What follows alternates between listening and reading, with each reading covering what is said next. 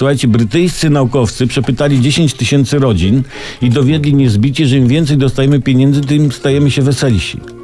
Naprawdę. Jeszcze raz? Im więcej dostajemy pieniędzy, tym stajemy się weselsi.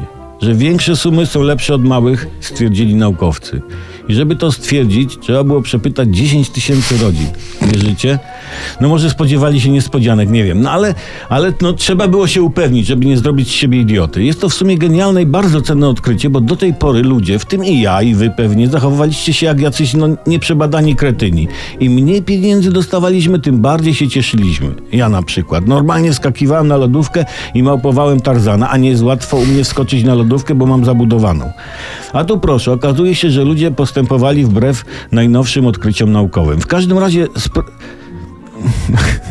w każdym razie sprawdźcie to na sobie, poproście o podwyżkę i sprawdźcie, czy będziecie weselsi. Pewnie nie, bo nie dostaniecie, ale i dajcie znać brytyjskim naukowcom.